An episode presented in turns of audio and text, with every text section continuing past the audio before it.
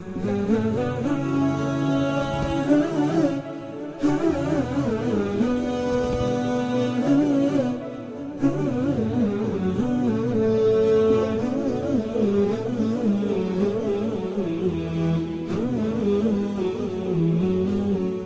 الله الرحمن الرحيم الحمد لله رب العالمين وصلى الله وسلم وبارك على سيدنا ونبينا محمد وعلى آله وصحبه وسلم تسليما كثيرا. حياكم الله والإخوة الكرام في هذا اللقاء الثالث والعشرين بعد المئة من لقاءات التعليق على تفسير الإمام عبد الله بن عمر بن علي البيضاوي الشافعي رحمه الله تعالى. واليوم هو الأحد الثالث والعشرون من الشهر السادس من عام 1439 للهجرة. وكنا في اللقاء الماضي آه، ختمنا التعليق على الآيتين الأخيرتين.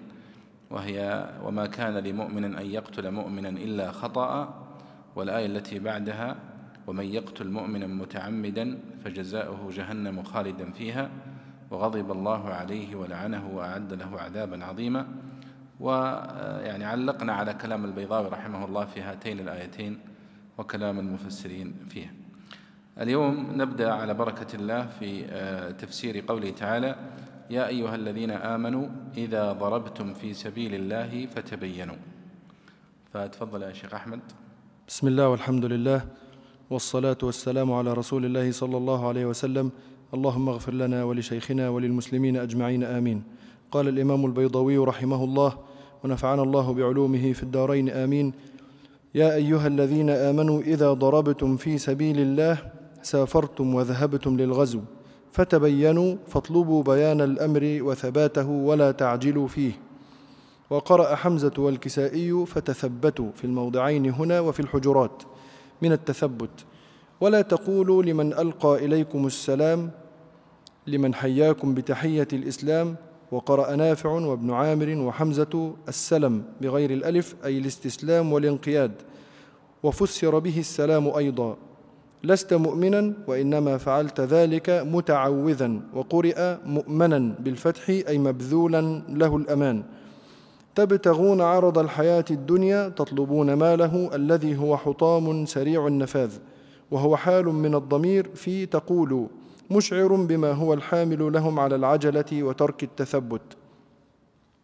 فعند الله مغانم لكم كثيرة تغنيكم عن قتل أمثاله لماله. كذلك كنتم من قبل أي أول ما دخلتم في الإسلام تفوهتم بكلمتي الشهادة فحصنت بها دماؤكم وأموالكم من غير أن يعلم مواطأة قلوبكم ألسنتكم. فمن الله عليكم بالاشتهار بالإيمان والاستقامة في الدين فتبينوا وافعلوا بالداخلين في الإسلام كما فعل الله بكم ولا تبادروا إلى قتلهم ظنا بأنهم دخلوا فيه اتقاء وخوفا. فإن إبقاء ألف كافر أهون عند الله من قتل امرئ مسلم وتكريره تأكيد لتعظيم الأمر وترتيب الحكم على ما ذكر, على ما ذكر من حالهم. إن الله كان بما تعملون خبيرا عالما به وبالغرض منه فلا تتهافتوا في القتل واحتاطوا فيه. روي أن سرية رسول الله صلى الله عليه وسلم غزت أهل فدك فهربوا فهربوا وبقي مرداس ثقة بإسلامه. فلما رأى الخيل ألجأ غنمه إلى عاقول من الجبل وصعد. فلما تلاحقوا به وكبروا كبر ونزل وقال لا إله إلا الله محمد رسول الله السلام عليكم.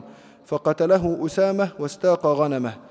وقيل نزلت في المقداد مر برجل في غنيمة فأراد قتله فقال لا إله إلا الله فقتله. وقال ود لو فر بأهله وماله. وفيه دليل على أن على صحة إيمان المكره وأن المجتهد قد يخطئ وأن خطأه مغتفر. نعم. بسم الله الرحمن الرحيم. آه لما لاحظوا أنه لما ذكر القتل في الآيات السابقة آه، قال الله سبحانه وتعالى فقاتل في سبيل الله لا تكلف إلا نفسك. ثم جاء الحديث بعد ذلك عن وما كان لمؤمن أن يقتل مؤمنا إلا خطأ. ثم تحدث عن آه، أصناف الناس ستجدون آخرين يريدون أن يأمنوكم إلى آخره. ثم ختم فقال ومن يقتل مؤمنا متعمدا فجزاؤه جهنم. فطبعا الآيات التي تتحدث عن قتل المؤمن والاشتباه في القتل ونحو ذلك آه، مخيفة. ولذلك قد تدفع المؤمن أن يتوقف عن الجهاد. لأنه احتمال أنه إذا سافر للقتال في سبيل الله قد يقع في مثل هذا الموقف. فيقع في قتل خطأ يقع في اشتباه يقع ووعيده هنا شديد.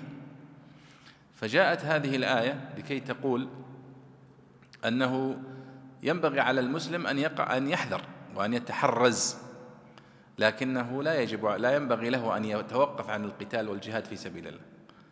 أن القتل الخطأ يعني مغفور إن شاء الله ولا ينبغي أن يكون للمؤمن أن يقتل المؤمن أخاه المؤمن مطلقا إلا على سبيل الخطأ. وذكر الله المخرج في ذلك. ثم هنا آه، جاء الحديث عن مسألة أخرى وهي آه، مسألة الاشتباه هذه. يا أيها الذين آمنوا إذا ضربتم في سبيل الله فتبينوا. ولا تقولوا لمن ألقى إليكم السلام لست مؤمنا. فهذه أيضا حالة من الحالات التي تمر على المجاهدين والمقاتلين في سبيل الله. وقد ولهذه الآية سبب نزول ذكره البيضاوي كما تلاحظون في آخرها. يقول الله سبحانه وتعالى يا أيها الذين آمنوا إذا ضربتم في سبيل الله فتبينوا. وفي قراءة حمزة والكسائي فتثبتوا. ولاحظوا أن البيضاوي هنا يقول وقرأ حمزة والكسائي فتثبتوا في الموضعين هنا وفي الحجرات. فتبينوا فتبينوا في آخر الآية أيضا قرأوها فتثبتوا فتثبتوا. وأيضا في سورة الحجرات يقصد قول الله تعالى آه، يا أيها الذين آمنوا إن جاءكم فاسق بنبأ فتثبتوا. التبين والتثبت. الفرق بينهما يسير.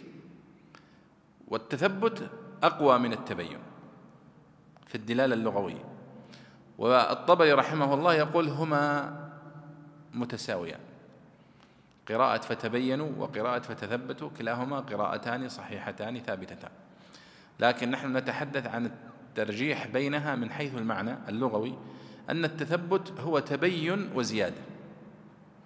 تبين وزيادة كأنه قد وصل من شدة تبينه إلى ثبات موقفه وتثبته. فيقول الله سبحانه وتعالى يا أيها الذين آمنوا إذا ضربتم في الأرض أي سافرتم في الأرض وذهبتم للغزو. فتبينوا يعني فاطلبوا بيان الأمر وثباته ولا تعجلوا فيه. بمعنى لا تعجل في اتخاذ قرار في الجهاد في سبيل الله بقتل أحد إلا على بينة وعلى تثبت. هذا معنى الكلام. ولذلك جاءت قال ولا تقولوا لمن ألقى إليكم السلام لست مؤمنا. لمن حياكم بتحية الإسلام وهي السلام عليكم ورحمة الله وبركاته. وفي قراءة لمن ألقى إليكم السلام لست مؤمنا. والسلم هو السلام. يعني عرفتم من حاله أنه مسالم. فاحملوه على ظاهر حاله. لأن الصحابة رضي الله عنهم وقع منهم أنهم يعني جاءوا إلى قوم كفار. فجاء أحدهم وسلم عليه. وكما في رواية سبب النزول أنه قال أشهد أن لا إله إلا الله. فدل يعني على أنه مسلم ولكنهم قتلوه.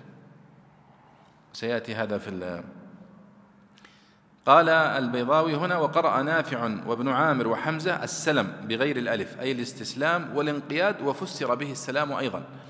يعني هنا في توجيه القراءات لاحظوا البيضاوي عندما يقول ولا تقولوا لمن ألقى إليكم السلام السلام هو تحية السلام عليكم ورحمة الله. كما مر معنا تذكرون في الآية التي مرت وإذا حييتم بتحية فحيوا بأحسن منها أو ردوها أن التحية هي قول حياك الله لكنها أصبحت تطلق على السلام.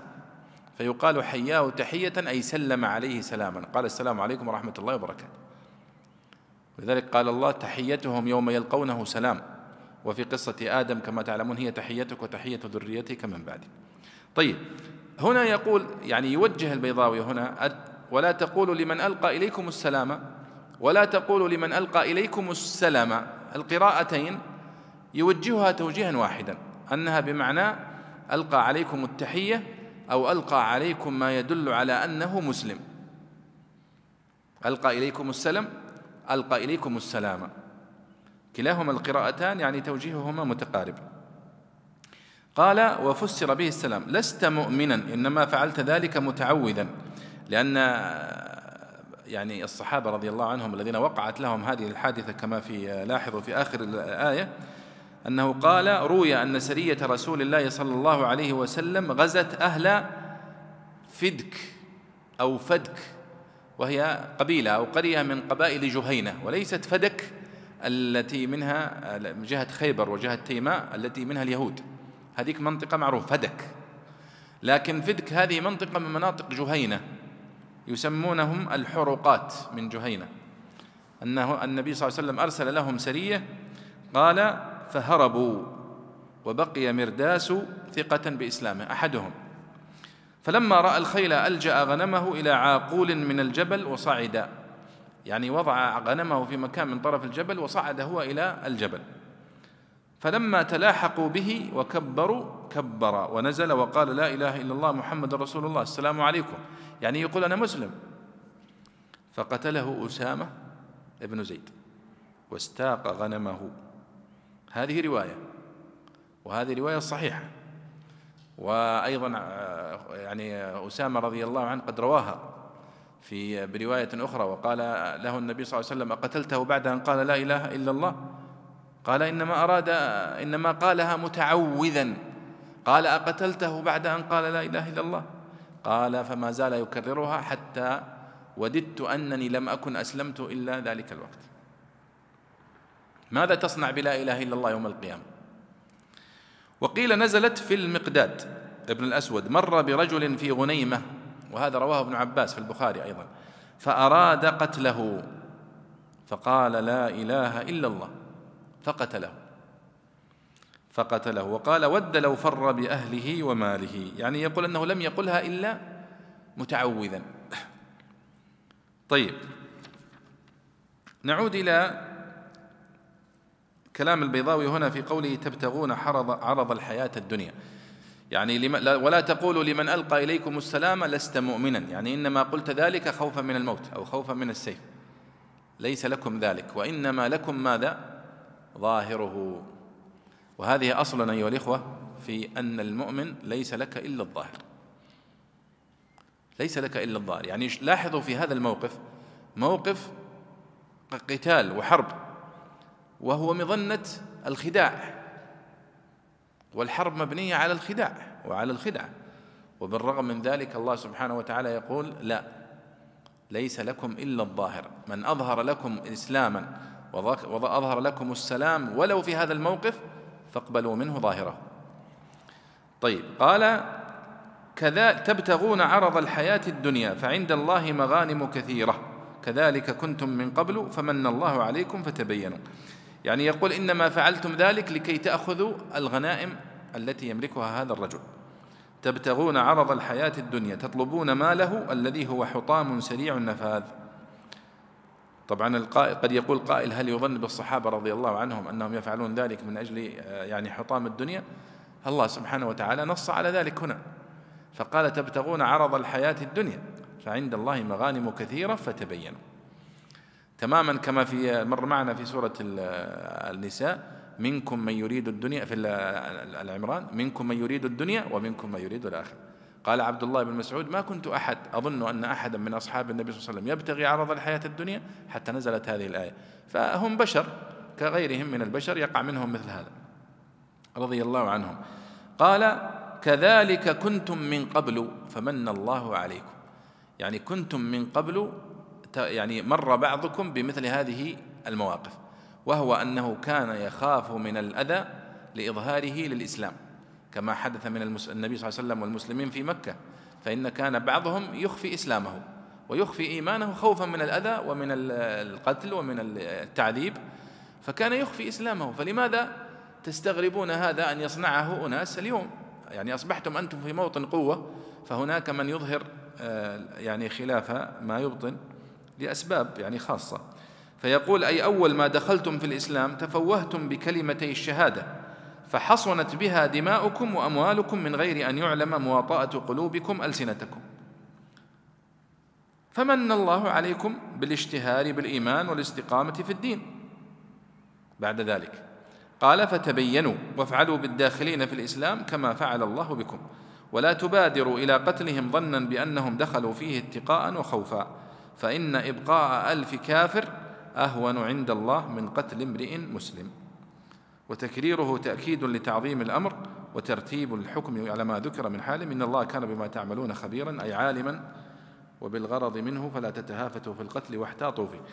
وخلاصة الآية كما تلاحظون هي قضية الاحتياط الشديد في قتل المسلم. ومن أظهر لنا إسلامه فنكتفي بظاهره ونقبل منه ظاهره. ولست مسؤولا عن التمحيص والتفتيش عن البواطن. هنا آه، تعليق يا شباب على مسألة يا أيها الذين آمنوا إذا ضربتم في سبيل الله. ضربتم في سبيل الله هنا يعني سافرتم للغزو. الضرب في سبيل الله يعني السفر. والضرب في الأرض يعني السفر. وضرب ضرب في اللغة معناها معروف وهو الضرب بمعنى الضرب باليد أو بالعصا أو نحو ذلك. ومنه قوله تعالى آه يضربون وجوههم وأدبارهم أحسنت. وقوله سبحانه وتعالى اهجروهن في المضاجع واضربوهن ونحو ذلك.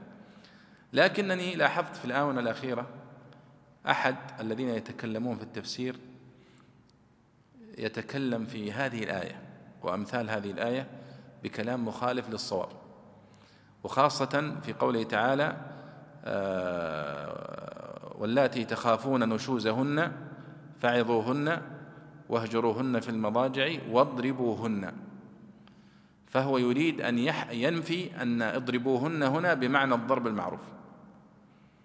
فيقول مستحيل أن يكون الإسلام الرفيق بالمرأة أن يأمر أو يدعو أو أو يوجه إلى ضربها بالمعنى الضرب المعروف. طيب ما معنى الضرب يا آه، مولانا؟ قال الضرب هو المباعدة والسفر. مأخوذ من هذه الآية وأمثالها. يا أيها الذين آمنوا إذا ضربتم في سبيل الله يعني سافرتم وغزوتم. فلبس على الناس ولذلك وصلتني هذه الرسالة وهذه المقاطع من أكثر من جهة. آخرها قبل أمس يعني من أحد يعني الأخوات وهي تقول يعني لابد من الإيضاح. يقول هو لا يمكن أن يتصور أن يأمر الله بالضرب لشريكة الحياة بمعنى الجلد. وهذا يعني وتعقب كلمة ضرب في القرآن الكريم. فقال إن الضرب أكثر معانيه بمعنى الابتعاد. ومفارقة بيت الزوجية إلى آخره. فنحن نقول يا شباب يعني هذا الكلام يعني يخالف اللغة العربية. ليش؟ يعني الآن تعال تتبع القرآن الكريم ضرب فيها. هنا مثل الآية هذه. يا أيها الذين آمنوا إذا ضربتم في سبيل الله. فضرب هنا تعدى بماذا؟ بحرف في صح؟ ضرب في الأرض. ضرب في سبيل الله. ضرب في فجاج الأرض. لها معنى يعني سافر ومشى. لكن ضرب زيد عمرا هذا المثال الذي صدعوا به رؤوس الناس صح؟ النحويون. ضرب زيد عمرا يعني ضربه. حتى أنهم دائما يعلقون ويعني يتندرون على النحويين أنه ما عندهم إلا الضرب. وربما ذكرت لكم يوما قصيدة عرقلة الكلبي عندما جاء إلى الكوفة أول ما بدأ النحو. فوجد أنهم أكثر ما يقولون ضرب زيد عبد الله. ما كانوا يقولون ضرب زيد عمرا يقولون جاءت عمرا هذه بعد ذلك. فقالوا له أنت تلحن في كلامك وهو شاعر يعني معتد بنفسه. فهجاهم بقصيدة مشهورة موجودة في كتاب ابن عبد البر بهجة المجالس وأنس المجالس. يقول فيها ماذا لقيت من المستعربين؟ ومن قياس نحوهم هذا الذي ابتدعوا. إن قلت قافية بكرا يكون لها معنى يخالف ما قاسوا وما صنعوا قالوا لحنت. فهذا القول منخفض وذاك نصف نصب وهذا ليس يرتفع.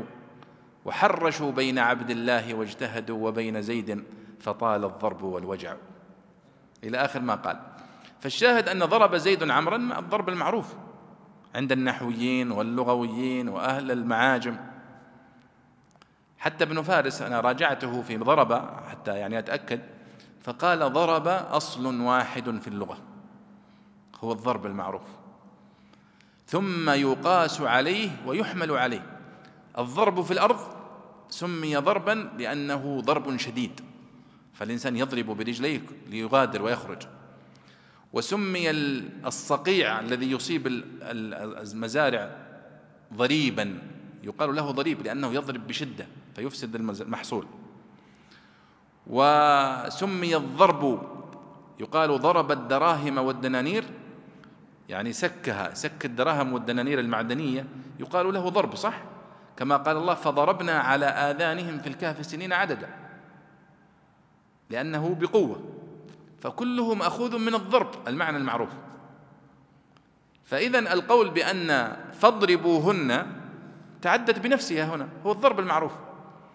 لم تتعد بفي حتى نقول أنها بمعنى المباعدة والسفر كما يقول هذا الأخ. فيعني أحببت أن أنبه إلى هذا الخطأ الذي يتداول أنه خطأ في فهم لغة العرب. والمشكلة أنه يقول في كلامه وقد تتبعت لغة العرب. فوجدت أن أكثر معاني الضرب أي السفر. طيب وافرض ما في مشكلة. هو ضرب إذا عديت بفي بمعنى السفر صح؟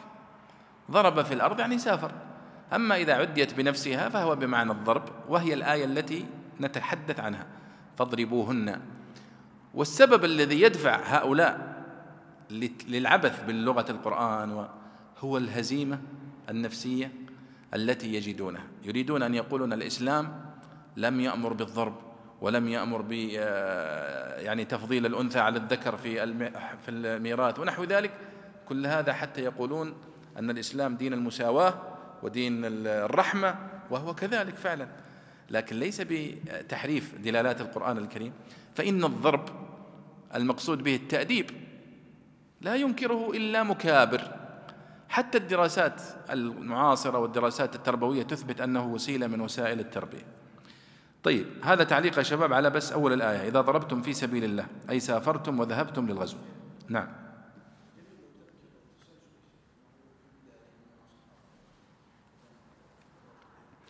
آه إن لم أكن واهم أنها قد مرت معنا صح؟ أي مرت معنا في وفسرناها أن قول الله تعالى وإن امرأة واللاتي تخافون نشوزهن. فعظوهن أن الدرجة المرحلة الأولى هي الموعظة والنصيحة والتفاهم. فعظوهن واهجروهن في المضاجع بمعنى يعني هجر الزوجة في في مكان النوم وفي حجرة النوم. واضربوهن يعني آخر العلاج. ثم المفسرون يقولون أنه ضرب للتأديب ضرب غير مبرح وهكذا. فمعنى الآية واضح لكن هذا العبث بالنصوص ومحاولة التحريف. لا والمشكلة عندما يكون هذا التحريف بطريقة يظهر عليها أنها صحيحة في الاستدلال. يعني يقول ضرب ما وردت بمعنى السفر ويستدل لك بمثل هذه الآية إذا ضربتم في سبيل الله وآخرون يضربون في الأرض يبتغون من فضل الله. أيوة فيقول إذا ضرب موجودة بمعنى السفر إذا هنا بمعنى وهكذا. فهو استدلال خاطئ مخالف لأصول الاستدلال ومخالف للغة العربية. واضربوا فوق الأعناق أحسنت. يعني سافروا ما تمكن تجي أبدا. أحسنت. قال فمن الله عليكم فتبينوا إن الله كان بما تعملون خبيرا. وإذا كما قال البيضاوي هنا أن سبب نزول هذه الآية أن سرية من المسلمين خرجت للقتال إلى بعض قبائل جهينة. كما ذكر المحقق هنا أنهم يقول أسامة بن زيد رضي الله عنه كما في مسلم والبخاري بعثنا رسول الله صلى الله عليه وسلم في سرية فصبحنا الحرقات من جهينة. فأدركت رجلا فقال لا إله إلا الله فطعنته فوقع في نفسي من ذلك. يعني يقول ما ارتحت من هذا الموقف الذي حصل مني فذكرته للنبي صلى الله عليه وسلم. فقال أقال لا إله إلا الله وقتلته. قلت يا رسول الله إنما قالها خوفا من السلاح. قال أفلا شققت عن قلبه؟ كما في الحديث. والحديث له روايات كثيرة. فإذا هذا هو يعني سبب نزول هذه الآية. وفي البخاري أيضا عن ابن عباس أنه قال آه، خرج نفر من أصحاب النبي صلى الله عليه وسلم فوجدوا رجلا في غنيمات له فأدركوه فقال لا إله إلا الله فقتلوه واستاقوا غنيمات. فإذا يعني ورد أكثر من رواية لهذا السبب وكلها في الكتب السنة. طيب ختم البيضاوي هنا بفائدتين. استنباطية. يعني لاحظوا البيضاوي كيف ذكر اللغة ثم ذكر القراءات ثم ذكر سبب النزول في الأخير ثم قال وفيه دليل على صحة إيمان المكره. يقول هذه الآية فيها دليل على أن المكره إيمانه صحيح. على صحة إيمان المكره يعني المكره على الكفر. وهذا صحيح طبعا استنباط صحيح لقوله تعالى إلا من أكره وقلبه مطمئن بالإيمان. وأنه يجوز للمسلم إذا أكره على الكفر أن ينطق بما يدل على الكفر ولكن لا يعتقده وحفاظا على روحه من القتل. وهذا لا شك فيه يعني جائز بنص القرآن والنبي صلى الله عليه وسلم قد صرح بذلك لعمار بن ياسر وقال له لعمار وإن عادوا فعد فأعطاه الرخصة بأن يظهر الكفر إذا كان يعني قد أكره على ذلك. والإكراه كما يقول العلماء هو خاص أنواع. هناك إكراه ملجئ يعني قد يؤدي إلى القتل. فهذا الذي يجوز له أن يظهر فيه الكفر إذا تعرض له. أما إذا كان إكراه ليس فيه أذى فلا يجوز له أن يظهر الكفر إلا آه، في حال يكون فيه عليه أذى. فهذا قول معنى قول البيضاوي وفيه دليل على صحة إيمان المكره. أي المكره على الكفر. قال وأن المجتهد قد يخطئ وأن خطأه مغتفر. ما معنى هذا؟ الآن المجتهد الذي يجتهد في أحكام الشريعة هو مجتهد قد يصيب وقد يخطئ وهذا صحيح. فإن أصاب فله أجر أجران وإن أخطأ فله أجر واحد صح؟ كما أخبرنا النبي صلى الله عليه وسلم. كيف استنبطها البيضاوي من هذا؟ استنبطها بدلالة اللزوم وبدلالة السياق. كيف؟ يعني الآن الذي يقتل مؤمنا عفوا الذي مثل أسامة رضي الله عنه جاء رجل وقال السلام عليكم. فتركه صح؟ معتقدا أنه مسلم. واجتهادا منه. فإنه قد يكون محتال. وقد يكون صادق. لكنه اجتهد وتركه. فإذا اجتهاده صحيح. وقد يكون اجتهاده هذا قد يكون مصيبا وقد يكون مخطئا. فهذا أيضا وجه الاستنباط من هذه الآية أن المجتهد قد يصيب وقد يخطئ وأن خطأه مغتفر. لأنه لو ثبت أن هذا الكافر أو أن هذا الذي أظهر الإسلام كافر وقتل مسلما أو ظهر منه ما يعني يؤذي المسلمين فليس هناك حرج في من تركه مجتهدا في أنه ليس هناك منه ضرر. هذا معنى قول البيضاوي هنا. طيب تفضل قال رحمه الله لا يستوي القاعدون عن الحرب من المؤمنين في موضع الحال من القاعدين أو من الضمير الذي فيه. غير أولي الضرر بالرفع صفة للقاعدون لأنه لم يقصد به قوم بأعيانهم أو بدل منه. وقرأ نافع وابن عامر والكسائي بالنصب على الحال أو الاستثناء. وقرئ بالجر على أنه صفة للمؤمنين أو بدل منه. وعن زيد بن ثابت أنها نزلت ولم يكن فيها غير أولي الضرر فقال ابن أم مكتوم وكيف وأنا أعمى؟ فغشي رسول الله صلى الله عليه وسلم في مجلسه الوحي فوقعت فخذه على فخذي حتى خشيت أن تردها. ثم سري عنه فقال اكتب. لا يستوي القاعدون من المؤمنين غير أولي الضرر والمجاهدون في سبيل الله بأموالهم وأنفسهم أي لا مساواة بينهم وبين من قعد عن الجهاد من غير علة. وفائدته تذكير ما بينهما من التفاوت ليرغب القاعد في الجهاد رفعا لرتبته وأنفة عن انحطاط منزلته. فضل الله المجاهدين بأموالهم وأنفسهم على القاعدين درجة جملة موضحة لما نفي لما لما نفي الاستواء فيه والقاعدون على التقييد السابق ودرجة نصب بنزع الخافض أي بدرجة أو على المصدر لأنه تضمن معنى التفضيل ووقع موقع المرة منه أو الحال بمعنى ذوي درجة.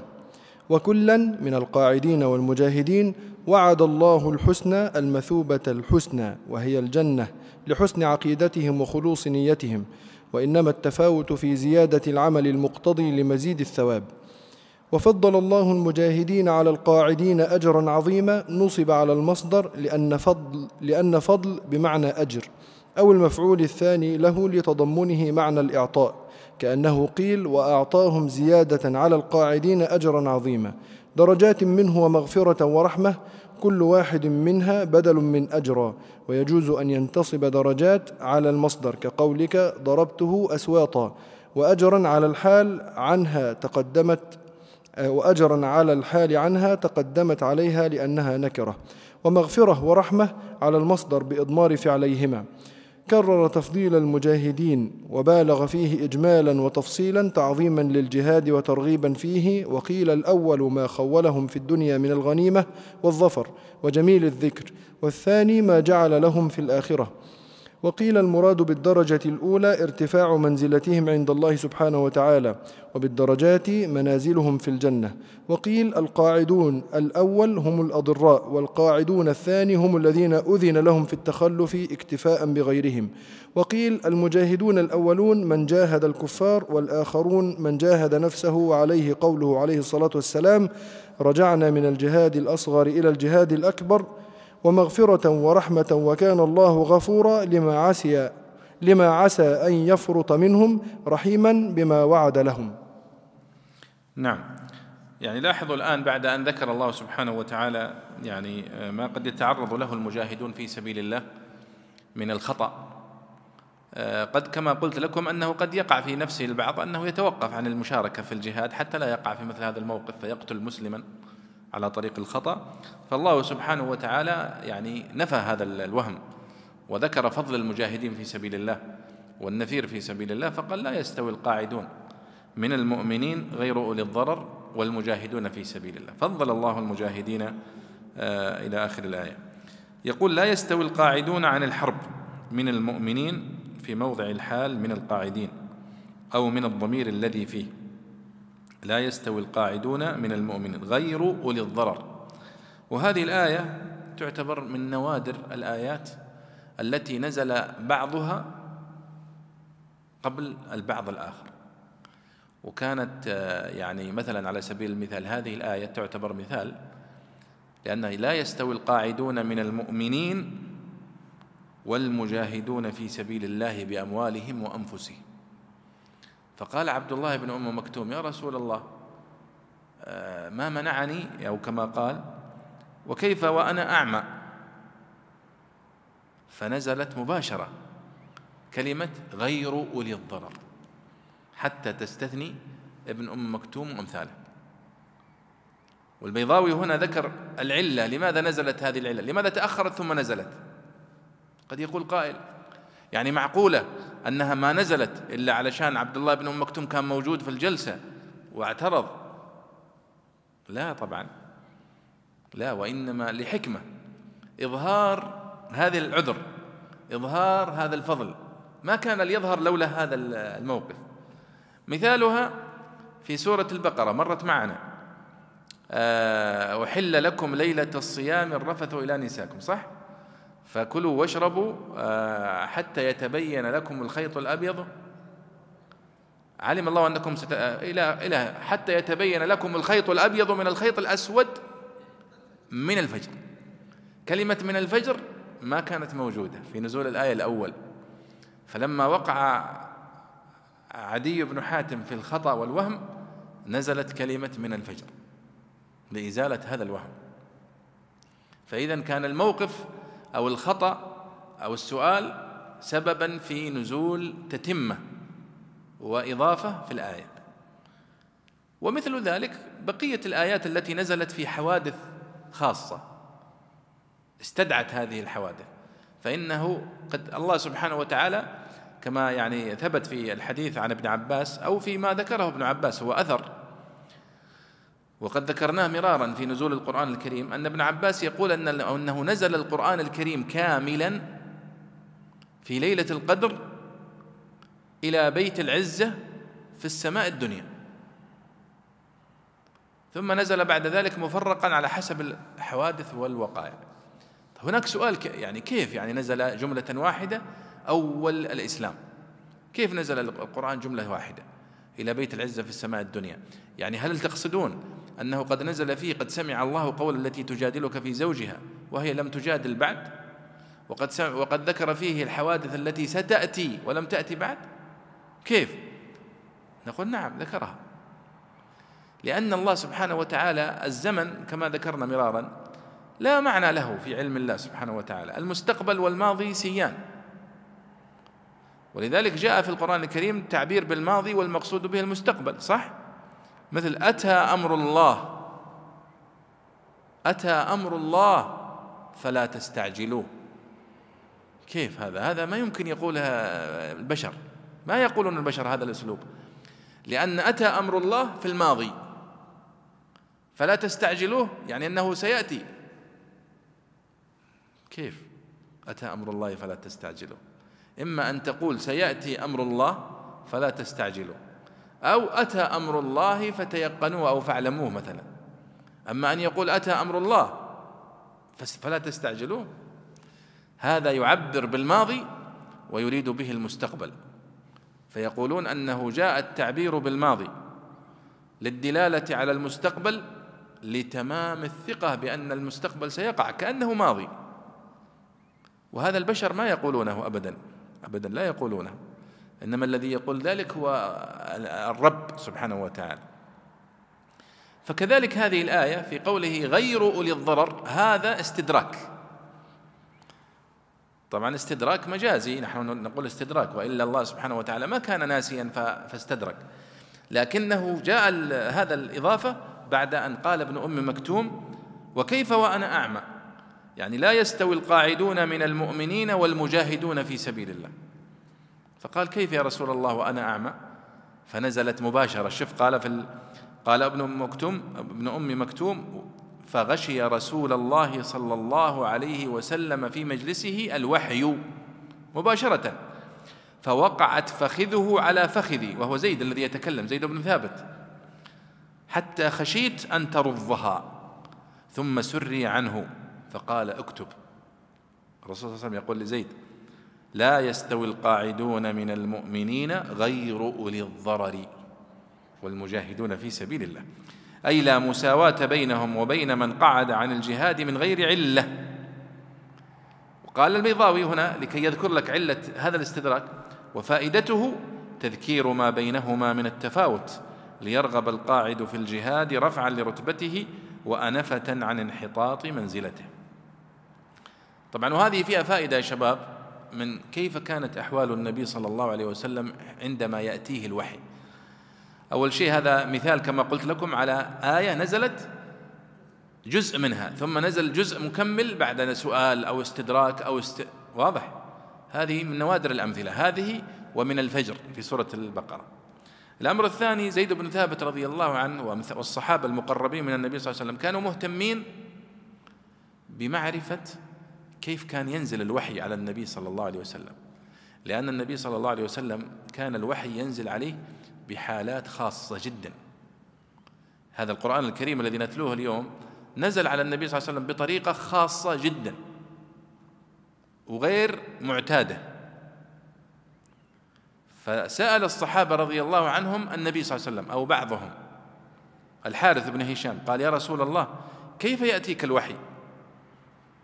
فقال عليه الصلاة والسلام أحيانا وهذا ذكرها البخاري في كتاب في أول الصحيح في كتاب بدء الوحي.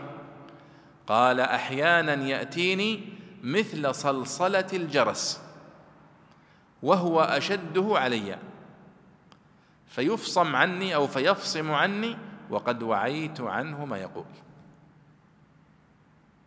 وأحيانا يأتيني كهيئة البشر أو كهيئة الرجل فيكلمني وأكلمه. هذه حالة ذكرها النبي صلى الله عليه وسلم. لكن الذين حول النبي صلى الله عليه وسلم ما كانوا يشعرون بهذا الشعور. يعني الرسول صلى الله عليه وسلم وصف ما الوحي أنه كصلصلة الجرس. لكن هل الصحابة الذين كانوا بجانبه يسمعون صلصلة جرس لا. لم يثبت أن أحد منهم قال هذا القول أبدا. وإنما يقولون وله دوي كدوي النحل. وفي رواية أخرى وله غطيط كغطيط البكر يعني الجمل البكر. صوت النبي صلى الله عليه وسلم وهو يتلقى الوحي. هل كان الرسول صلى الله عليه وسلم يستغرق في تلقي الوحي كما نستغرق تلاوة الوحي؟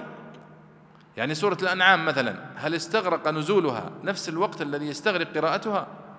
يعني لو افترضنا أن سورة الأنعام نقرأها في مثلا ساعة هل استغرق نزولها ساعة؟ هذه أيضا مسألة لم يعني يفصح عنها لكن الذي يظهر والله أعلم من روايات نزول الوحي أنها ما كان يستغرق نفس الوقت وإنما ينزل عليه في وقت قصير وهم جالسون معه ثم يقرأ عليهم الرسول صلى الله عليه وسلم الوحي فإذا يعني سورة طويلة أو قصيرة أو بعض آية أو مثل هذه الآية مثلا جزء من الآية. أيضا مظهر آخر وهو ثقل الوحي الذي كان يقع على النبي صلى الله عليه وسلم وأنه تحمله عليه الصلاة والسلام. زيد هنا يقول أنني كنت بجانب النبي صلى الله عليه وسلم صح؟ وركبته على ركبة زيد. فلما نزل عليه الوحي ماذا شعر به زيد؟ ثقل قال عليه رضوان الله قال فوقعت فخذه على فخذي حتى خشيت أن ترضها. ترضها يعني كأنك تضرب بحجر ركبة الرجل ترضها رض من ثقل الوحي. وفي رواية أخرى أن النبي صلى الله عليه وسلم نزل عليه الوحي وهو على ناقته. صح؟ قال رحمك الله يا شيخ نزل على النبي صلى الله عليه وسلم الوحي وهو على ناقته. قال ف وتدت يديها من من ثقل الوحي والرسول صلى الله عليه وسلم راكب فوقها حتى كادت تسقط الناقة. وفي رواية أخرى أنها بركت من ثقل الوحي. فالنبي صلى الله عليه وسلم كان يتلقى يعني الوحي بحالة خاصة وفيها ثقل شديد عليه ومتعبة. وقالت عائشة رضي الله عنها كان النبي صلى الله عليه وسلم يتفصد عرقا في اليوم الشديد البرد إذا نزل عليه الوحي. يعني يتصبب عرق عليه الصلاة والسلام من ثقل الوحي عليه وهو في اليوم الشديد البرد فهذه حالة من حالات نستفيدها من مثل هذا الموضع. كيف كان ينزل الوحي وكيف استدرك الوحي هنا في هذه الآية آه، بعد أن سأل ابن أم مكتوم كيف وأنا أعمى يا رسول الله؟ فنزلت غير أولي الضرر. إذن هذه مسألة. البيضاوي هنا يعني أعرب قول الله تعالى غير أولي الضرر فقال بالرفع صفة للقاعدون. وقرأ نافع وابن عامر والكسائي بالنصب يعني غير أولي الضرر على الحال أو الاستثناء. وقرئ بالجر على أنه صفة للمؤمنين أو بدل منهم. إذن غير أولي الضرر هنا قرئت بثلاث آه، الإعرابات. لا يستوي القاعدون من المؤمنين غير أولي الضرر. لا يستوي القاعدون من المؤمنين غير أولي الضرر. لا يستوي القاعدون من المؤمنين غير أولي الضرر. فكلها قراءات صحيحة. الرفع على البدل لأن الكلام نفي والبدل معه أرجح. والنصب على الاستثناء يعني أستثني غير أولي الضرر. والجر كأنه صفة لل... لا يستوي القاعدون من المؤمنين غيري يعني صفة للمؤمنين. طيب. فضل الله المجاهدين بأموالهم وأنفسهم على القاعدين درجة. يعني رفع الله الذين يجاهدون على الذين يقعدون مع أنهم كلهم من المؤمنين. لكنه فضل المجاهدين على القاعدين درجة. هنا نكرة يا تميم. النكرة كما قلنا أنها تأتي للتضخيم والتفخيم وتأتي للعكس للتقليل والتهوين طيب وش رأيكم هنا في السياق هنا؟ هو الذي يفصل. فضل الله المجاهدين على القاعدين درجة. هنا نقول هذه النكرة والتنوين هنا المقصود به التعظيم. يعني فضلهم على القاعدين درجة عظيمة جدا. لا يعلم قدرها إلا الله. فالتنكير هنا إذا المقصود به التعظيم. جملة موضحة لما نفي الاستواء فيه والقاعدون إلى آخره. طيب وكلا وعد الله الحسنى يعني المجاهدين والقاعدين لأنهم من المؤمنين جميعا. لكن درجة المؤمنين أو درجة المجاهدين أعظم عند الله سبحانه وتعالى. قال وكلا وعد الله الحسنى أي الجنة وفضل الله المجاهدين على القاعدين أجرا عظيما. ثم قال في الآية التي بعدها درجات منه ومغفرة ورحمة وكان الله غفورا رحيما. يعني الأجر العظيم الذي وعده هؤلاء المجاهدين هو درجات ومغفرة ورحمة. طيب أنت قبل قليل تقول درجة وهنا تقول درجات. قال المفسرون درجة هناك تنكير مفرد لكن ليس المقصود بها درجة واحدة وإنما درجات وإنما يقصد منزلة عظيمة جدا. ثم جاء هنا فقال درجات أي أنهم يتفاوتون حتى المجاهدين في هذه الدرجات. ولذلك الذي يتأمل في درجات الجنة ودركات النار وردت في القرآن الكريم في مواضع كثيرة وفي السنة النبوية. وقد حاول بعض الباحثين أن يقسمها ويفرزها ويبين درجات الجنة كلها من أولها إلى آخرها ودرجة دركات النار من أولها إلى آخرها. والنبي صلى الله عليه وسلم قد بين في بعض الأحاديث أن الفردوس أن عندما قال إذا سألتم الله فاسألوه الفردوس فإنه أعلى الجنة. هنا قال كل واحد منها بدل إلى آخره. كرر تفضيل المجاهدين وبالغ فيه إجمالا وتفصيلا تعظيما للجهاد وترغيبا فيه. ولا شك أن هذا الترغيب أيها الإخوة ظاهر في في الآيات. حتى يزول من نفس المؤمن التردد الذي قد يصيبها من المشاركة في الجهاد في سبيل الله سبحانه وتعالى. نعم. أما الحديث الذي ذكره هنا آه، وهو قوله عليه الصلاة والسلام رجعنا من الجهاد الأصغر إلى الجهاد الأكبر فهو حديث لا يثبت كما تعلمون. وهذه من عيوب تفسير البيضاوي هو استدلاله ببعض الأحاديث الضعيفة التي لا تثبت. طيب. قال رحمه الله إن الذين توفاهم الملائكة يحتمل الماضي والمضارع. وقرئ توفتهم وتوفاهم على مضارع وفيت. بمعنى أن الله يوفي الملائكة أنفسهم فيتوفونها أي يمكنهم من استفائها فيستوفونها. ظالمي أنفسهم في حال ظلمهم أنفسهم بترك الهجرة وموافقة الكفرة فإنها نزلت في أناس من مكة أسلموا ولم يهاجروا حين كانت الهجرة واجبة. قالوا أي الملائكة توبيخا لهم فيما كنتم أي في أي, أي في أي شيء كنتم من أمر دينكم. قالوا كنا مستضعفين في الأرض اعتذروا مما وبخوا به بضعفهم وعجزهم عن الهجرة أو عن إظهار الدين وإعلاء كلمة الله. قالوا أي الملائكة تكذيبا لهم أو تبكيتا ألم تكن أرض الله واسعة فتهاجروا فيها إلى قطر آخر كما فعل المهاجرون إلى المدينة والحبشة؟ فأولئك مأواهم جهنم لتركهم الواجب ومساعدتهم الكفار. وهو خبر إن والفاء فيه لتضمن الاسم معنى الشرط. وقالوا فيما كنتم حال من الملائكة بإضمار قد أو الخبر قالوا والعائد محذوف أي, أي قالوا لهم. وهو جملة معطوفة على الجملة التي قبلها مستنتجة منها. وساءت مصير مصيرهم نار جهنم. وفي الآية دليل على وجوب الهجرة من موضع لا يتمكن الرجل فيه من إقامة دينه. وعن النبي صلى الله عليه وسلم من فر بدينه من أرض إلى أرض وإن كان شبرا من الأرض استوجبت له الجنة. وكان رفيق أبيه إبراهيم ونبيه محمد عليهما الصلاة والسلام. اللهم صل وسلم عليه.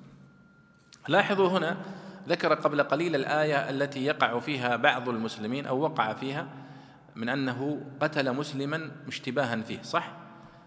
يعني رجل قال أشهد أن لا إله إلا الله أو قال السلام عليكم فظنوه يعني يتظاهر بالإسلام حتى يسلم فقتلوه وأخذوا ماله فالله سبحانه وتعالى بعد أن انتهى من هذه الآية ذكر هذه الصفة يعني خاطب هؤلاء الذين يدخلون في الإسلام ويقيمون في وسط الكفار فيقول لهم اخرجوا هاجروا إلى يعني مجتمع مسلم فاعبدوا الله فيه. ولا تبقوا تعيشون وسط هؤلاء الكفار فتقعون فيما مثل هذا. تقتلون لأن المسلمين يظنون أنكم كفار لأنكم تعيشون وسط الكفار. ولذلك الله سبحانه وتعالى ذكر في في فتح مكة عندما قال لو تزيلوا لعذبنا الذين كفروا منهم عذابا أليما لكنهم اختلطوا مع الكفار. فيعني كف الأمر الرسول الله سبحانه وتعالى النبي بكف اليد عنهم قد يقتل هؤلاء المسلمون آه، أو هؤلاء المسلمين أو هؤلاء المسلمون يقتلون اشتباها فيهم وهم يعيشون وسط الكفار. فالآن انتقل التوجيه لهم. يعني أنتم يا هؤلاء الذين دخلتم في الإسلام لا تقيموا وسط الكفار لأن هذا لا يجوز. وفي عهد النبي صلى الله عليه وسلم كانت الهجرة واجبة من مجتمع الكفر إلى مجتمع الإسلام حتى يطمئن الإنسان ويأمن على دينه فيؤدي صلاته ويؤدي عباداته آه، وهو في طمأنينة. يقول الله إن الذين توفاهم الملائكة ظالمي أنفسهم. قالوا فيما كنتم؟ قالوا كنا مستضعفين في الأرض. يعني هذا النوع من المسلمين الذين يسلمون ويبقون يعيشون وسط الكفار. فعندما تتوفاهم الملائكة في وقت نزع الروح تعاتبهم وتوبخهم على إقامتهم في هذا المجتمع. فيقول الله إن الذين توفاهم الملائكة ظالمي أنفسهم. يعني وفي وهم في حالة ظلم لأنفسهم بإقامتهم في مجتمع الكفر. قالوا فيما كنتم؟ يعني لماذا أنتم مقيمون في وسط المجتمع الكافر؟ قالوا كنا مستضعفين في الأرض. يعني أننا أقمنا هنا بسبب ضعفنا وعدم قدرتنا على الهجرة. ففصل الله فيها. يقول البيضاوي هنا إن الذين توفاهم الملائكة يحتمل الماضي والمضارع. يعني توفاهم هنا احتمال أنه فعل ماضي. يعني إن الذين توفتهم الملائكة ظالمي أنفسهم يعني في الماضي. أو أنها مضارع. يعني إن الذين تتوفاهم الملائكة. وهذه صيغة يعني فعلا هي تحتمل أنها تقصد إن الذين توفاهم الملائكة فيما مضى أو إن الذين توفاهم الملائكة في باستمرار يعني يقال لهم هذا القول. قال ظالمي أنفسهم يعني في حال ظلمهم لأنفسهم بترك الهجرة وموافقة الكفرة فإنها نزلت في أناس من مكة أسلموا ولم يهاجروا حين كانت الهجرة واجبة. قالوا أي الملائكة توبيخا لهم فيما كنتم في أي شيء كنتم من أمر دينكم؟ قالوا كنا مستضعفين في الأرض. اعتذروا مما وبخوا به بضعفهم وعجزهم عن الهجرة أو عن إظهار الدين وإعلاء كلمة الله. قالوا أي الملائكة تكذيبا لهم أو تبكيتا يعني توبيخا ألم تكن أرض الله واسعة فتهاجروا فيها؟ إلى قطر آخر كما فعل المهاجرون إلى المدينة والحبشة وهذا حل قد أرشد له النبي صلى الله عليه وسلم في بداية الإسلام. يعني لما رأى المسلمين لا يأمنون على أنفسهم في مكة ولا يستطيعون أن يصلوا فأمر الصحابة رضي الله عنهم بالهجرة إلى الحبشة وقال إن فيها ملكا لا يظلم عنده أحد. فأول من هاجر عثمان رضي الله عنه وزوجته رقية بنت النبي صلى الله عليه وسلم وعدد من الصحابة رضي الله عنهم. في وقت مبكر. فإذا الهجرة إلى بلد الإسلام وإلى مجتمع مسلم يقيم فيه الإنسان دينه أمر إلهي أمر الله به. وأخبر سبحانه وتعالى أن الملائكة أول من يلوم ويوبخ من لا يفعل ذلك. قال فأولئك مأواهم جهنم وساءت مصيرا. الذين يقيمون على في المجتمع الكافر وهم يستطيعون الهجرة. فهذا وعيد شديد طبعا. قالوا لتركهم الواجب ومساعدتهم الكفار بإقامتهم وسط الكفار هم يساعدونهم قال وساءت مصيرا يعني مصيرهم نار جهنم. وفي الآية دليل على وجوب الهجرة من موضع لا يتمكن الرجل فيه من إقامة دينه. وهذا استدلال صحيح. وهو استدلال كما تلاحظون بظاهر الآية وبلفظ الآية. وعن النبي صلى الله عليه وسلم من فر بدينه من أرض إلى أرض وإن كان شبرا من الأرض استوجبت له الجنة وكان رفيق إبراهيم ونبيه محمد صلى الله عليه وسلم. وهذا الحديث أخرجه الثعلبي في تفسيره وهو من مراسيل آه، الحسن البصري رحمه الله. وهم يقولون أن مراسيل الحسن البصري لا تقبل لأنه يتساهل. طيب إلا المستضعفين من الرجال والنساء. يعني هناك أناس لهم أعذار يتخلفون عن الهجرة لأعذار. فالله عذرهم وذكرهم هنا. قال رحمه الله إلا المستضعفين من الرجال والنساء والولدان استثناء منقطع لعدم دخولهم في الموصول وضميره والإشارة إليه. وذكر الولد إن أريد به المماليك فظاهر وإن أريد به الصبيان فللمبالغة في الأمر والإشعار بأنهم على صدد وجوب الهجرة. فإنهم إذا بلغوا وقدروا على الهجرة فلا محيص لهم عنها وأن أقوامهم صح يا شيخ أقوامهم؟ وأن أقوامهم يجب عليهم أن يهاجروا بهم متى أمكنت.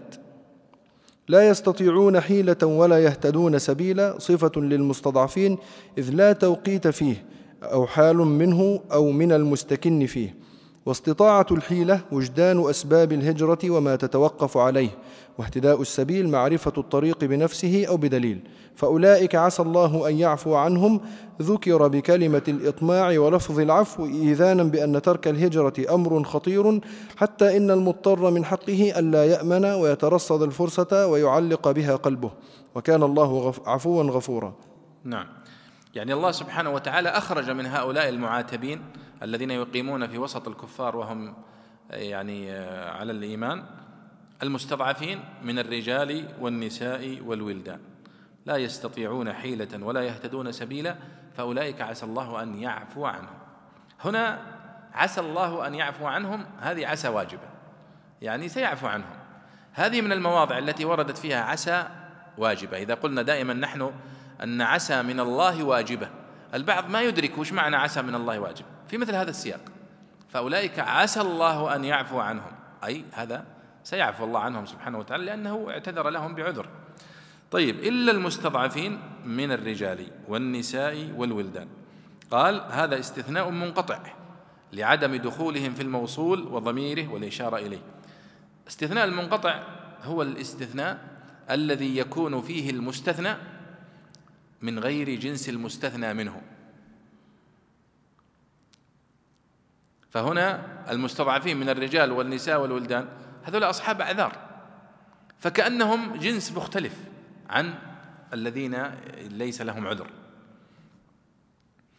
قال وذكر الولد إن أريد به المماليك فظاهر وإن أريد به الصبيان فللمبالغة في الأمر والإشعار بأنهم على صدد وجوب الهجرة. فإنهم إذا بلغوا وقدروا على الهجرة فلا محيص لهم عنها. ماذا يقصد هنا؟ يقصد المستضعفين واضح أنه من الاستضعاف وهم الضعفاء. من الرجال سواء كان رجلا مستضعف إما لضعفه إما لفقره إما لأي سبب من الأسباب. والنساء والنساء الأصل فيهم الضعف. ولذلك ابن عباس رضي الله عنه رضي الله عنهما يقول أمي كانت من هؤلاء. أم عبد الله بن عباس زوجة العباس بن عبد المطلب كانت من هؤلاء. في ذلك عند نزول هذه الآية. والولدان الولدان يحتمل أن المقصود بها الأبناء الصغار ويحتمل أن يقصد أن يكون المقصود بها المماليك. فيقول إن كان المقصود بها المماليك فظاهر أنهم مستضعفين ما ليس في يدهم قرار ولا حيلة. كما كان من بلال رضي الله عنه كان يعذب وهو مملوك. وإن كان المقصود بها الأبناء الصغار فهو إشارة إلى ضرورة أن يقوم أولياؤهم. ولذلك يبدو لي يا شيخ أحمد أنها فلا محيص لهم عنها وأن قوامهم. أيوة يبدو أنها كذا أفضل. تصير قوامهم يعني أولياء أمورهم وليس أقوامهم يعني جماعتهم. وأن قوامهم يجب عليهم أن يهاجروا بهم متى أمكنت الفرصة يعني. لا يستطيعون حيلة ولا يهتدون سبيلا. هؤلاء يعني ضعفاء جدا. ليس عندهم أي فرصة للهجرة. لا يستطيعون حيلة يعني ما عندهم أي مخرج. ولا يهتدون سبيلا. كيف فسرها البيضاوي؟ قال استطاعة الحيلة وجدان أسباب الهجرة وما تتوقف عليه. الراحلة المال القدرة الصحة واهتداء السبيل معرفة الطريق بنفسه أو بدليل. فإذا لا يستطيعون حيلة يعني قدرة على الهجرة بالنفس وبالمال ولا يهتدون سبيلا ما يعرفون الطريق. ما هو الحكم فيهم؟ قال فأولئك عسى الله أن يعفو عنهم. وعسى هنا واجبة من الله سبحانه وتعالى فالله سيعفو عنهم. ذكر بكلمة الإطماع ولفظ العفو إيذانا بأن ترك الهجرة أمر خطير. يعني الله سبحانه وتعالى ما أعطاهم وعد جازم. ما قال فأولئك يعفو الله عنهم. لا قال فأولئك عسى الله أن يعفو عنهم. فجاء التعبير بعسى هنا إشارة إلى أنهم يرتكبون ببقائهم وسط الكفار أمرا خطيرا جدا جدا ينبغي عليهم أن يخرجوا بأسرع فرصة. ولذلك جاء التعبير هنا بقول عسى الله أن يعفو عنه. ولم يقل فعسى فسيعفو الله عنهم بالجزم. مع أن عسى هنا كما قلنا واجب. فلذلك لكن البيضاوي يقول ذكر بكلمة الإطماع يعني عسى. ولفظ العفو إيذانا بأن ترك الهجرة أمر خطير على حتى إن المضطر من حقه أن لا يأمن ويترصد الفرصة ويعلق بها قلبه حتى يتمكن من الهجرة. وكان الله عفوا غفورا. جميل. هنا يأتي الآية التي بعدها تشير إلى مسألة يتردد كثير من الناس في الهجرة.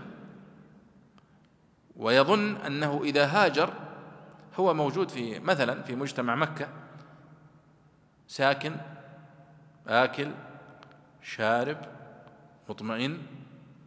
وين يهاجر ويروح؟ بيروح لا يلقى سكن لا يلقى معيشة خاصة إذا كان من هؤلاء الضعفاء اللي ليس له مصدر. فالتردد لأنه خايف من المستقبل جعله يحجم ويتردد. فالله سبحانه وتعالى سيقول الآن ومن يهاجر في سبيل الله يجد في الأرض مراغما كثيرا وسعة يفتح باب الأمل الواسع للمهاجر في سبيل الله. أيوة تفضل. قال رحمه الله ومن يهاجر في سبيل الله يجد في الأرض مراغما كثيرة مراغما كثيرا متحولا من الرغام وهو التراب. وقيل طريق يراغم قومه بسلوكه أي يفارقهم على رغم أنوفهم وهو أيضا من الرغام. وسعة في الرزق وإظهار الدين. ومن يخرج من بيته مهاجرا إلى الله ورسوله ثم يدركه الموت وقرئ يدركه بالرفع على أنه خبر, خبر مبتدأ محذوف أي ثم هو يدركه. وبالنصب على إضمار أن كقوله سأترك منزلي ببني تميم وألحق بالحجاز فأستريحا. فقد وقع أجره على الله وكان الله غفورا رحيما. الوقوع والوجوب متقاربان والمعنى ثبت أجره عند الله تعالى ثبوت الأمر الواجب. والآية الكريمة نزلت في جندب بن ضمرة حمله بنوه على سرير متوجها إلى المدينة. فلما بلغ التنعيم أشرف على الموت فصفق, فصفق بيمينه على شماله فقال اللهم هذه لك وهذه لرسولك أبايعك على ما بايع عليه رسولك صلى الله عليه وسلم فمات. يقول الله سبحانه وتعالى ومن يهاجر في سبيل الله يجد في الأرض مراغما كثيرا وسعه يحث بهذه الآية على الهجرة في سبيل الله وعلى مفارقة بلاد الكفر إلى بلاد الإيمان. ويفتح باب الأمل وباب الرزق وباب الفرص التي ستكون أمام المهاجر في سبيل الله من الخير ومن الرزق ومن السعة. ولذلك يقول ومن يخرج من بيته. لاحظ هنا ولم يقل من بلده فقط. مجرد الخروج من البيت يبدأ الوعد. ولذلك ذكر هنا قصة جميلة لجندب بن ضمرة رضي الله عنه أنه خرج مهاجرا إلى النبي صلى الله عليه وسلم. فبينما هو في أطراف مكة في التنعيم أدركه الأجل. فقال صفق بيده هو يده على بعضها وقال اللهم هذه لك وهذه لرسولك أبايعك على ما بايع عليه رسولك صلى الله عليه وسلم. فمات. فنزلت هذه الآية. ومن يق ومن يهاجر في ومن يخرج من بيته مهاجرا إلى الله ورسوله ثم يدركه الموت فقد وقع أجره على الله. يعني ثبت أجره. وهذا أيها الإخوة يعني أمل عظيم في هذا الإسلام وفي هذا الدين وهو أن العبرة دائما هي بالنية وبالتوجه وصدق التوجه وليست العبرة بكثرة العمل. وإلا لو كانت العبرة بكثرة العمل آه لما يعني كما قال النبي صلى الله عليه وسلم لم لن يدخل أحد الجنة بعمله. قالوا ولا أنت يا رسول الله؟ قال ولا أنا. ففتح باب سبحان الله العظيم الرحمة واللطف والتحبيب والترغيب في رحمة الله وفي التوجه إليه وفي التوبة أن النية الصادقة الصالحة يعني يرفع الله بها الإنسان ويدخله بها الجنة ويغفر بها ذنبه ويفتح له باب الرحمة مثل هذا الرجل الذي يعني لم لم يدرك النبي صلى الله عليه وسلم ولم يهاجر إليه ولم يبلغه أدركه الأجل ولكنه صادق النية. ومثله ذلك الرجل من بني إسرائيل الذي قتل تسعة وتسعين قتل مئة ثم تاب فأدركته المنية وهو في الطريق فاختصمت فيه ملائكة الرحمة وملائكة العذاب. فكان ما كان مما تعرفون القصة مما يدل على عظمة النية الصادقة والتوجه الصالح إلى الله سبحانه وتعالى. يقول الله سبحانه وتعالى ومن يهاجر في سبيل الله يجد في الأرض مراغما كثيرا وسعة أولا قال يهاجر في سبيل الله. لاحظوا أن تكون الهجرة في سبيل الله. مراغما كثيرا قال المفسرون مراغما أي متحولا طريقا واسعا. لماذا طيب سمي مراغم؟ قال مراغم إما أن تكون من الرغام وهو التراب. يعني الدنيا واسعة. وهذا المعنى سبحان الله يعني قد أشار إليه الشنفرة وغيره من شعراء الجاهلية. عندما قال الشنفرة لعمرك ما في الأرض ضيق على امرئ سرى راغبا أو راهبا وهو يعقل. وفي الأرض منأ للكريم عن الأذى. وفيها لمن خاف القلى متحول. هذا وهو جاهلي يعني فيقول السير في الأرض والخروج في الأرض يفتح لك أبواب كثيرة ولا تبقى في أرض مهانة. فلما جاء الإسلام رسخ هذا المعنى وهو معنى أنك لا تحبس نفسك في بيئة مغلقة بحجة أن ما في وين أروح؟ لا رح. فيه الله يقول في الأرض سيجد مراغما كثيرا وسعة هذا وجه. وجه الآخر مراغما أي أنه مكان واسع تراغم بإيمانك فيه وإقامتك للشريعة الكفار. تراغمهم. وهذا أيضا يؤكده معنى قوله تعالى ذلك بأنهم لا يصيبهم ظمأ ولا نصب ولا مخمصة في سبيل الله ولا يطؤون موطئا يغيظ الكفار إلا كتب لهم به عمل صالح. شوف يعني يطؤون موطئا يغيظ الكفار هذا يعني يغيظ الكفار. فكذلك إذا سافر وهاجر إلى منطقة الإسلام وأقام الإسلام هناك هذا يراغم به الكفار. وهذا لذلك سميت مراغما كثيرا. طيب قال وسعة. يعني مراغما كثيرا يعني سعة في المكان وفيه بدل المكان ألف مكان. وسعة أي سعة في الرزق. الذي يخاف الإنسان أنه يهاجر خوفا من عدم وجود رزق أو ما يستطيع أن يقوم به. قال الله ستجد. ولذلك فتح الله كما تعلمون الباب للمهاجرين. هم خرجوا بأنفسهم فقط صح؟ ولكنهم فتح لهم الأنصار يعني أبوابهم وبيوتهم وقلوبهم ورزقهم الله سبحانه وتعالى. وقصص عبد الرحمن بن عوف وعثمان رضي الله عنه وما فتح الله عليه من التجارة والرزق معروفة. وأيضا سهيب الرومي رضي الله عنه عندما أراد أن يهاجر من مكة وكان تاجرا فأدركه قريش وقالوا لا يمكن أن تخرج قد جئتنا فقيرا آه، تخرج بأموالك قال فإذا دللتكم على آه، مكان مالي هل تتركوني؟ قالوا نعم. فدلهم وذهبوا فوجدوها كما قال فتركوه. فلما دخل إلى مكة المدينة ورآه النبي صلى الله عليه وسلم قال النبي صلى الله عليه وسلم ربح البيع يا أبا عبد الرحمن. فالشاهد أن يعني هذه الآية هي في هذا الباب يعني في فتح باب الرزق والتوفيق والسعة والحياة للمهاجر الذي يهاجر في سبيل الله. قال ومن يخرج من بيته مهاجرا إلى الله ورسوله ثم يدركه الموت وقرئ يدركه بالرفع على أنه خبر. وبالنصب على إضمار أن واستشهد بقول الشاعر سأترك منزلي منزلي ببني تميم وألحق وألحق بالحجاز فأستريحا فالشاهد هنا قوله فأستريحا يعني أنها أستريحا هنا منصوبة بأن المضمرة وجوبا بعد الفاء. وهذه من المواضع التي تضمر فيها أن وجوبا السبعة التي ذكرها النحويون. قال فقد وقع أجره على الله. يعني ثبت أجره. عند الله سبحانه وتعالى ثبوت الأمر الواجب ولذلك سماه وقع.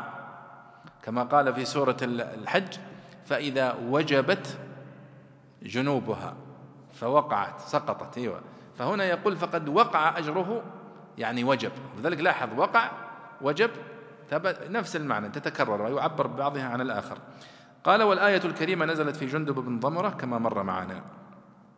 تفضل يا شيخ وإذا ضربتم في الأرض قال رحمه الله وإذا ضربتم في الأرض فلي وإذا ضربتم في الأرض سافرتم فليس عليكم جناح أن تقصروا من الصلاة بتنصيف ركعاتها.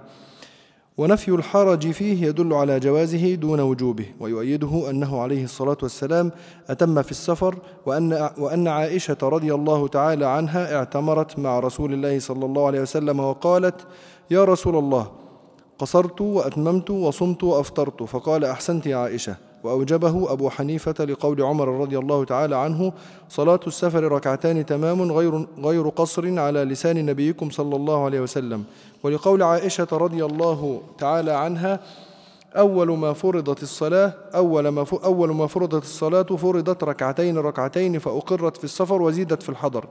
فظاهرهما يخالف الآية الكريمة فإن صح فالأول مؤول بأنه كالتام في الصحة والإجزاء والثاني لا ينفي جواز الزيادة فلا حاجة إلى تأويل الآية بأنهم ألفوا الأربع فكانوا مظنة, مظنة لأن يحضر لأن يخطر ببالهم أن ركعتي السفر قصر ونقصان فسمي الإتيان بهما قصرا على ظنهم ونفي الجناح ونفي الجناح فيه لتطيب به نفوسهم وأقل سفر تقصر فيه أربعة برد عندنا وستة عند أبي حنيفة. وقرئ تقصر من أقصر بمعنى قصر. ومن, ومن الصلاة صفة محذوف أي شيئا من الصلاة عند سيبويه ومفعول, ومفعول تقصر بزيادة من عند الأخفش. إن خفتم أن يفتنكم الذين كفروا إن الكافرين كانوا لكم عدوا مبينا شريطة باعتبار الغالب في ذلك الوقت ولذلك لم يعتبر مفهومها كما لم يعتبر في قوله تعالى فإن خفتم ألا يقيما حدود الله فلا جناح عليهما فيما افتدت به وقد تظاهرت السنن على جوازه أيضا في حال الأمن وقرئ من الصلاة أن يفتنكم بغير إن خفتم بمعنى كراهة أن يفتنكم وهو القتال والتعرض بما يكره. نعم لاحظوا الآن أنه لما جاء الحديث عن الهجرة في سبيل الله وجاء الحديث عن قبلها عن القتال في سبيل الله وما يقع فيه من مواقف أيضا من الأشياء التي يسأل عنها في مثل هذه المواقف الصلاة في السفر كيف تكون؟ الله سبحانه وتعالى شرع لهم هنا أن يقصروا من الصلاة الرباعية في حال السفر. فنزلت هذه الآية وإذا ضربتم في الأرض يعني زي ما قلنا قبل شوية ضرب في الأرض يعني سافر ها؟ وإذا ضربتم في الأرض فليس عليكم جناح أن تقصروا من الصلاة. طيب لاحظوا هنا أن تقصروا من الصلاة. كيف عرفنا كيفية القصر؟ يعني افرضوا أن هذه الآية لم توضح بالسنة النبوية. كيف كنا سننفذها؟ هل سوف نأتي إلى صلاة الفجر فنصلي ركعة؟ هذا القياس العقلي يقتضي ذلك. ونأتي إلى صلاة المغرب نقسمها نصفين. تنقسم نصفين صلاة المغرب. ما تنقسم هي ثلاث ركعات. لكن هذا الذي نزلت الآية لا جناح عليكم إن وإذا ضربتم في الأرض فليس عليكم جناح أن تقصروا من الصلاة. إن خفتم أن يفتنكم الذين كفروا. فيها نقطتين. النقطة الأولى أنه قال لا جناح عليكم أن تقصروا من الصلاة. فأباح لنا قصر الصلاة في السفر. لكنه لم يبين لنا كيفية القصر. هل هو للرباعية فقط أو للثنائية والرباعية؟ صح؟ الذي بين لنا ذلك من؟ النبي صلى الله عليه وسلم. قصر لنا الرباعية فقط. صلاة الفجر ما فيها قصر. صلاة المغرب ما فيها قصر. صلاة الظهر والعصر والعشاء فقط. طيب لولا السنة هل كان سيتضح لنا معنى الآية؟ الجواب لا. إذا لا يمكن الاستغناء عن السنة النبوية في فهم القرآن أبدا. ومن قال بذلك فقد كفر. من قال بأنه لا حاجة للسنة النبوية فقد كفر. رد الإسلام. سوف يضطرب عنده من يرد السنة الصلاة والزكاة والحج والصوم. أربع أركان من خمسة. وغير ذلك طبعا بس هذه يعني أشياء واضحة. النقطة الثانية أنه قال إن خفتم أن يفتنكم الذين كفروا. هل القصر في السفر مرتبط فقط بالخوف؟ يعني إذا كنت خايف يجوز لك أنك تقصر الصلاة لكن إذا كنت ما عندك مشكلة ولا تخاف لا يجوز لك أن تقصر الصلاة. الجواب وش هو؟ أيوة السنة أيضا. عمر رضي الله عنه فهم هذا الفهم وقال للنبي صلى الله عليه وسلم يا رسول الله قد أمنا. يعني خلاص راح الخوف. قال هي صدقة تصدق الله بها عليكم. يعني خلاص حتى القصر يبقى لكم في وقت الأمن. واضح هذا يا شباب؟ ماذا يقول البيضاوي هنا؟ يقول وإذا ضربتم في الأرض فليس عليكم جناح أي سافرتم. أن تقصروا من الصلاة بتنصيف ركعاتها يعني الرباعية فقط. ونفي الحرج فيه يدل على جوازه دون وجوبه. يعني لو صلى واحد في السفر وأتم ركع أربع ركعات عليه مشكلة؟ لا. لكنه رخصة رخصها الله لنا. ويؤيده أنه عليه الصلاة والسلام أتم في السفر. وعن عائشة رضي الله تعالى عنها اعتمرت مع رسول الله وقالت يا رسول الله قصرت وأتممت أو قصرت وأتممت وصمت وأفطرت. فقال أحسنت يا عائشة. فكان النبي صلى الله عليه وسلم يقول لها إن فعلت هذا فلا حرج وإن فعلت هذا فلا حرج. وبعض المحدثين حكم على هذه الرواية بالنكارة لأنه مستغرب أن عائشة تخالف فعل النبي صلى الله عليه وسلم في السفر. لماذا هو يقصر وهي تتم؟ لكن بعض الفقهاء أو المحدثين قالوا كما فعل عثمان في الحج. كان يتم يصلي الركعة الأربع أربع. والنبي كان يصليها ركعتين. فقيل له في ذلك فقالوا لعل عثمان كان له زوجة في مكة. فرأى أنه مقيم حتى وهو في الحج وليس مسافر. وأوجبه أبو حنيفة يعني أوجب الأخذ بالرخصة لقول عمر رضي الله تعالى عنه صلاة السفر ركعتان. تمام غير قصر على لسان نبيكم صلى الله عليه وسلم. هذا حديث أخرجه النساء وهو صحيح. ولقول عائشة رضي الله عنها وهو أصح منه كما في البخاري وفي مسلم. أول ما فرضت الصلاة فرضت ركعتين ركعتين. فأقرت في السفر وزيدت في الحضر. يعني عائشة تقول صلاة الظهر والعصر والعشاء تراها كانت ركعتين أصلا في الحضر. وفي السفر. لكنها بقيت في السفر ركعتين وفي الحضر أصبحت أربع أربع. وهذا حديث صحيح. ف يعني لا حاجة إلى تأول الآية إذن. طيب وقوله فلا جناح عليكم قالوا إشارة إلى أنه من باب الرخصة وليس من باب الواجب. ثم تكلم البيضاوي هنا عن أقل سفر تقصر فيه الصلاة. فقال وأقل سفر تقصر فيه أربعة برد عندنا وستة عند أبي حنيفة. والبرد جمع بريد يعني أربعة برد والبريد 12 ميل. يعني أربعة برد كم تجي؟ 48 ميل ها؟ هذه أقل مسافة تقصر فيها عند آه عندنا يعني عند الشافعية كما يقول البيضاوي. وستة عند أبي حنيفة يعني ستة في 12 بكم؟ أظن ستين أو 72 ربما. 72 مثلا. قال وقرئ تقصر من أقصر بمعنى قصر ومن الصلاة صفة إلى آخره. وإن خفتم أن يفتنكم الذين كفروا إن الكافرين كانوا لكم عدوا مبينا. قلنا كما تقدم أن هذا شرط لا معنى له. يعني أن القصر جائز في السفر مطلقا حتى ولو لم يكن هناك خوف من الذين كفروا.